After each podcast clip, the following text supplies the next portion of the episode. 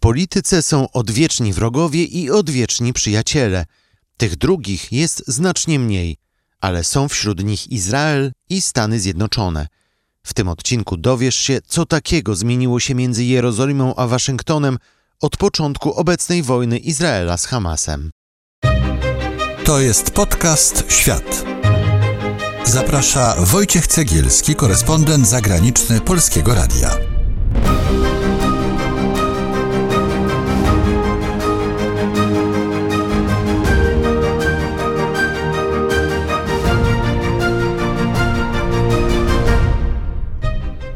Joe Biden był jednym z pierwszych światowych przywódców, który poleciał do Izraela zaraz po tym, gdy zaczęła się nowa wojna z Hamasem.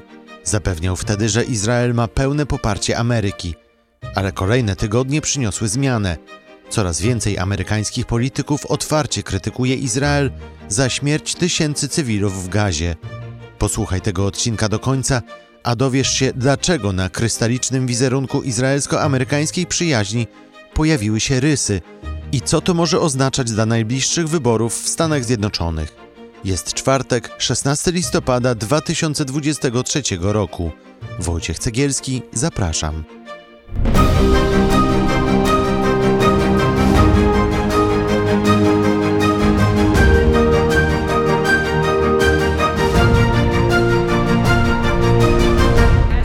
Meir, the most important person I've ever had the honor to play. Dziesiątki tysięcy osób pojawiły się w miniony wtorek w centrum Waszyngtonu.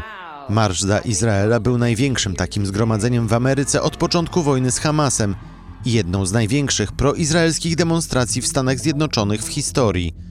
Ale w ostatnich tygodniach Amerykanie widzieli mniejsze, choć liczne propalestyńskie demonstracje, a część polityków lewicy otwarcie krytykowała Izrael, co wcześniej w Stanach Zjednoczonych zdarzało się rzadko, bo Ameryka od początku powstania państwa Izrael była jego największym sojusznikiem i mocarstwem, bez którego Izrael, zwłaszcza finansowo, już by nie istniał. Od 1948 roku Stany Zjednoczone przeznaczyły ponad 130 miliardów dolarów dla Izraela. Rocznie na broń i inwestycje wojskowe Ameryka przeznacza niemal 4 miliardy dolarów.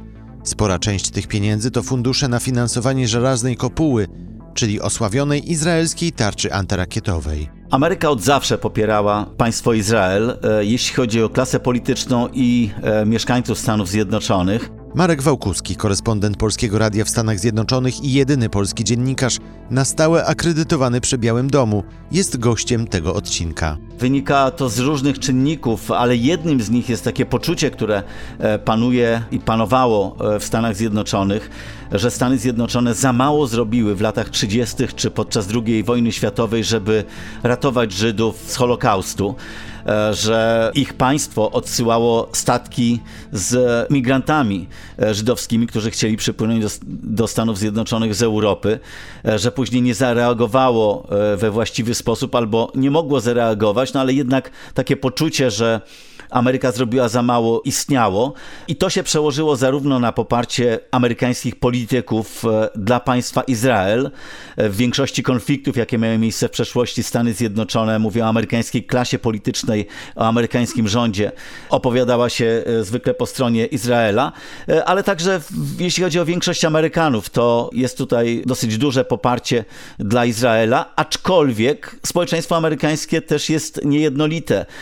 Jeżeli popatrzymy na na badania opinii publicznej, to nawet ten konflikt, który ma miejsce w tej chwili, jest e, niejednoznacznie oceniany, a ta niejednoznaczność, bo zaczęło się od zdecydowanego poparcia Amerykanów dla państwa Izrael, dla Izraelczyków po tym, co zrobił Hamas 7 października, no ale teraz e, te nastroje trochę się w Stanach Zjednoczonych zmieniają. A dlaczego się zmieniają? Czy to jest kwestia tego na przykład, że jednak populacja muzułmanów czy też e, imigrantów z krajów arabskich w Stanach Zjednoczonych rośnie?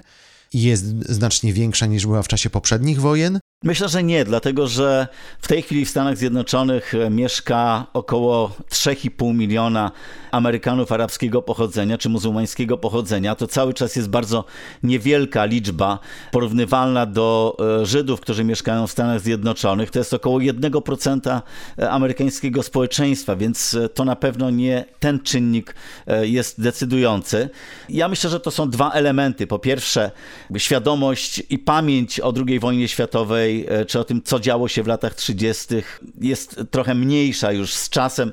To ma mniejsze znaczenie, jeśli chodzi o ocenę Amerykanów dla e, sytuacji na Bliskim Wschodzie, o ocenę Izraela, ale także sam przebieg tej operacji, którą prowadzi Izrael, zmienia powoli nastawienie amerykańskiej opinii publicznej do tego konfliktu. Dzisiaj dosłownie e, Reuters opublikował sondaż jeszcze 2-3 tygodnie temu, czyli e, po ataku Hamasu na Izrael, e, ponad 40% Amerykanów uważało, że Stany Zjednoczone powinny zdecydowanie poprzeć Izrael, a niespełna 30% uważało, że powinny zachować się neutralnie w sprawie tego konfliktu.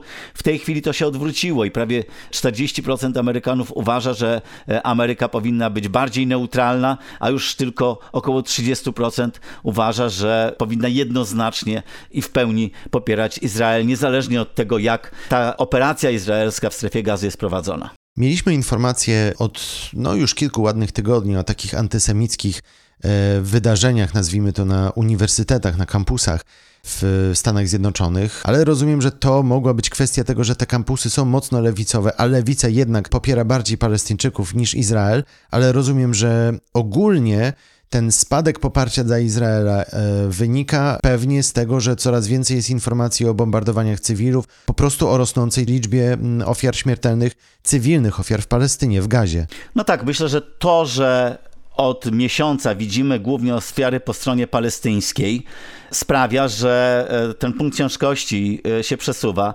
Ludzie już troszkę zapomnieli o tym, co widzieli miesiąc temu, e, w sytuacji, w której codziennie widzą te ostatnie obrazy, czyli bombardowanych budynków, ofiar po stronie cywilnej, jeśli chodzi o Palestyńczyków.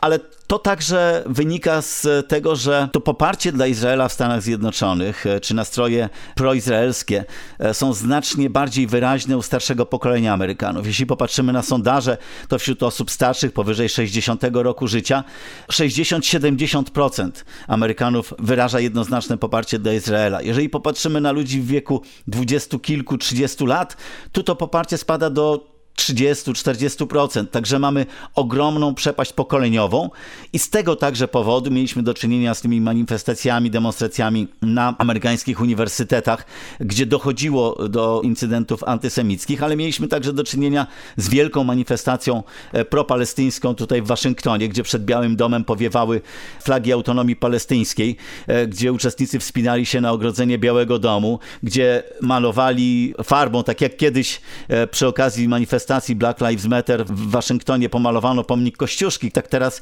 jednego z francuskich bohaterów wojny o niepodległość Stanów Zjednoczonych pomalowano farbą napisami Wolna Palestyna albo Precz z Izraelem.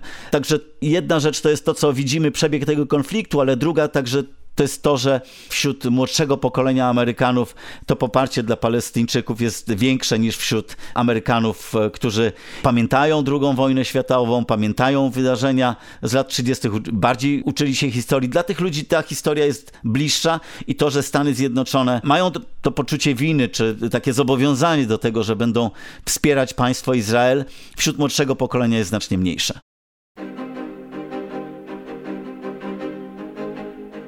Marek Wałkuski, korespondent Polskiego Radia w Stanach Zjednoczonych i jedyny polski dziennikarz na stałe akredytowany przy Białym Domu, jest gościem tego odcinka podcastu. A już za chwilę dowiesz się, czy wojna Izraela z Hamasem może zmienić wyniki przyszłorocznych wyborów w Ameryce. Zachęcam Cię do pozostawienia swojego komentarza pod tym odcinkiem. A bieżące informacje z Izraela i z Gazy możesz znaleźć codziennie o 18 na naszym Instagramie oraz na YouTube – oraz w raportach specjalnych na Spotify i Apple Podcasts.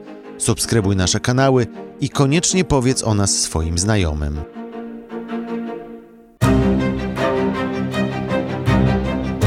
To jest podcast Świat.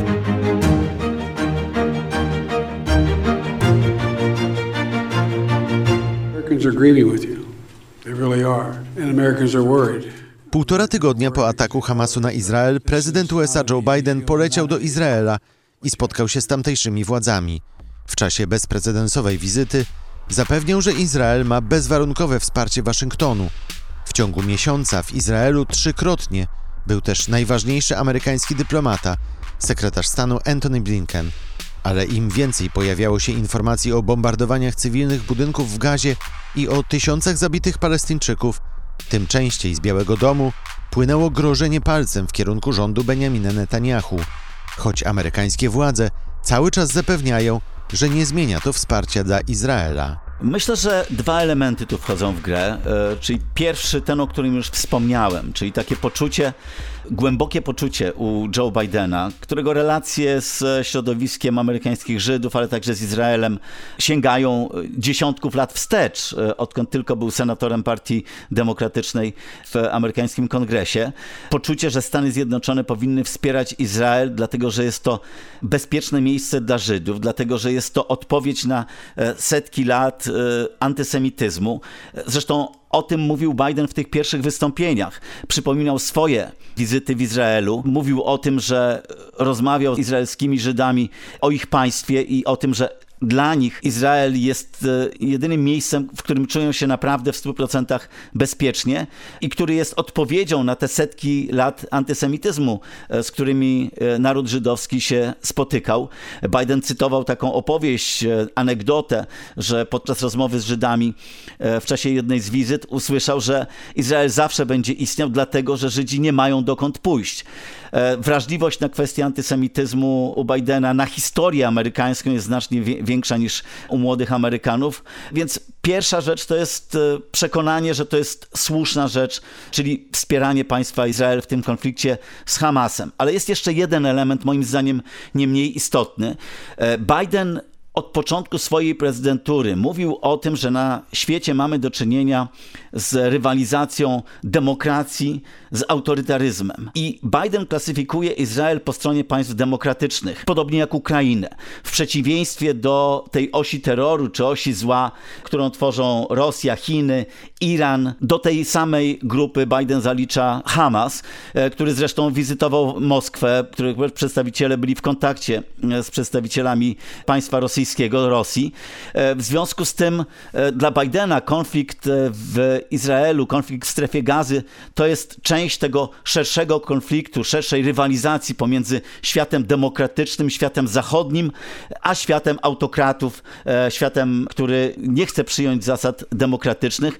Stąd zresztą w momencie, w którym rozpoczął się konflikt w strefie gazy, Biden rozszerzył ten pakiet pomocy dla Ukrainy o Izrael. Także to jest e, bardzo ważny element, jeśli chodzi o przekonanie Bidena. Biden powtarza, że co ileś lat, co ileś dziesiątków lat dochodzi do takiej sytuacji w historii świata, że w ciągu kilku lat zmieniają się losy, zmienia się układ sił politycznych na całym świecie i Biden ma poczucie, że właśnie w tej chwili jest ten moment, kiedy decydują się loty świata na kolejnych kilkadziesiąt lat, właśnie w tym konflikcie między demokracją a autorytaryzmem i zalicza Izrael do świata demokratycznego w przeciwieństwie do Hamasu, który e, z jego punktu widzenia należy do tej koalicji antydemokratycznej, koalicji autokratów. Ale czy ja dobrze odczytuję narracji Białego Domu, że ona nieco się zmienia, o ile na początku to było to bezwarunkowe poparcie dla Izraela, o tyle teraz, na przykład w przypadku szturmu na szpital Al-Shifa, Biały Dom wyraźnie powiedział, że nie chce ofiar cywilnych w szpitalu. Wcześniej Biden też mówił o tym, że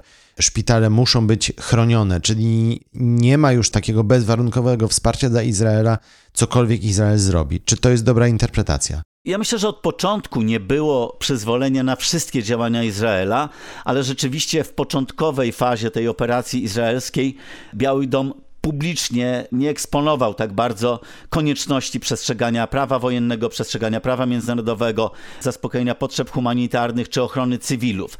Te elementy się pojawiały, e, natomiast e, w tej chwili, kiedy widać to, co dzieje się w Gazie, kiedy mamy do czynienia z tysiącami ofiar wśród cywilów, także dzieci, te obawy Waszyngtonu czy apele ze strony Waszyngtonu są trochę bardziej publiczne.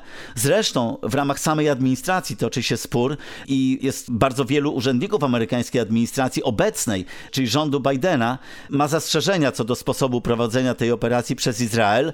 Zresztą grupa kilkuset urzędników amerykańskich e, wystąpiła z apelem e, do Białego Domu, czy wyraziła, to jest taki sposób formalny na wyrażenie swojego sprzeciwu wobec polityki amerykańskiej, wobec takiego jednoznacznego poparcia dla Izraela. E, ale tak jak mówiłem, to nie jest tak, że Biden czy amerykańska administracja popiera wszystko, co robi Izrael. Paradoksalnie myślę, że fakt, że tak mocne poparcie Biden wyraził dla Izraela na samym początku tego konfliktu, który zresztą w Izraelu zostało znakomicie przyjęte, sprawia, że w tej chwili jego wpływ na to, co robi premier Netanyahu, czy robi Izrael, jest e, prawdopodobnie większy niż gdyby zachowywał się początkowo inaczej, bo wtedy byłby po prostu niesłuchany. A teraz, mając świadomość tego, że Stany Zjednoczone są jednym z największych sojuszników Izraela, no jednak e, wiele postulatów amerykańskich dotyczących e, czy korytarzy humanitarnych, czy tego wstrzymywania operacji wojennych, czy tego, jaką amunicję, jakie bomby Izrael zrzuca na cele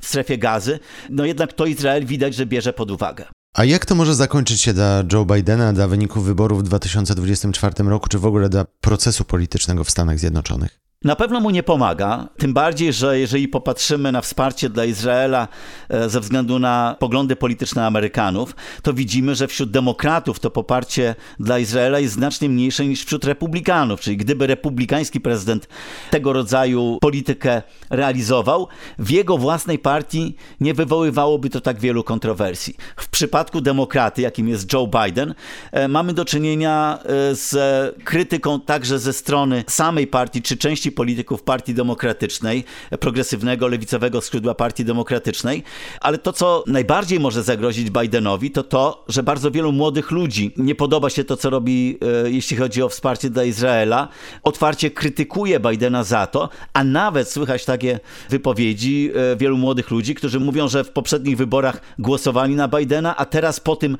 jak zachowuje się w sprawie konfliktu izraelsko-palestyńskiego, już nigdy na e, niego nie zagłosują. Także to może kosztować Bidena utratę części poparcia. Oczywiście czasu do wyborów jest jeszcze bardzo dużo, bo rok, więc wszystko może się zmienić, ale na pewno jego postawa w sprawie konfliktu izraelsko-palestyńskiego nie pomaga mu, jeśli chodzi o jego notowania polityczne czy szanse w następnych wyborach. Ale to jest właśnie dowód na to, że postępowanie Bidena, czy wypowiedzi Bidena, czy działania Bidena w tej sprawie nie są oportunistyczne.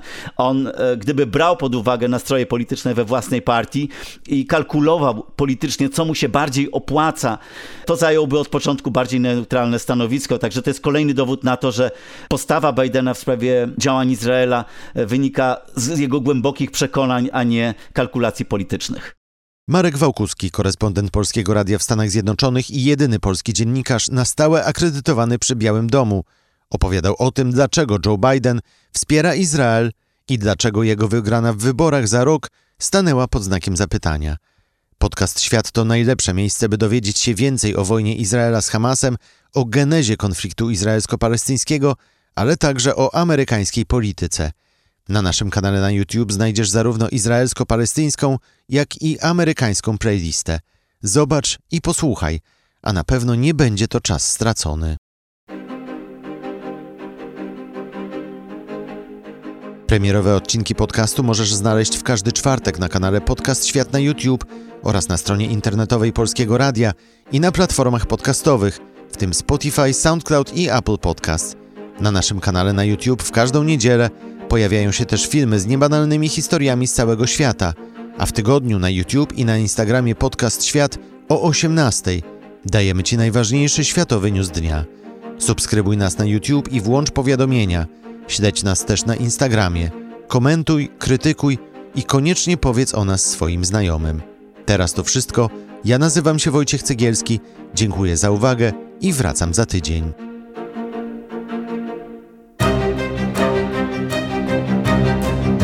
To był podcast Świat.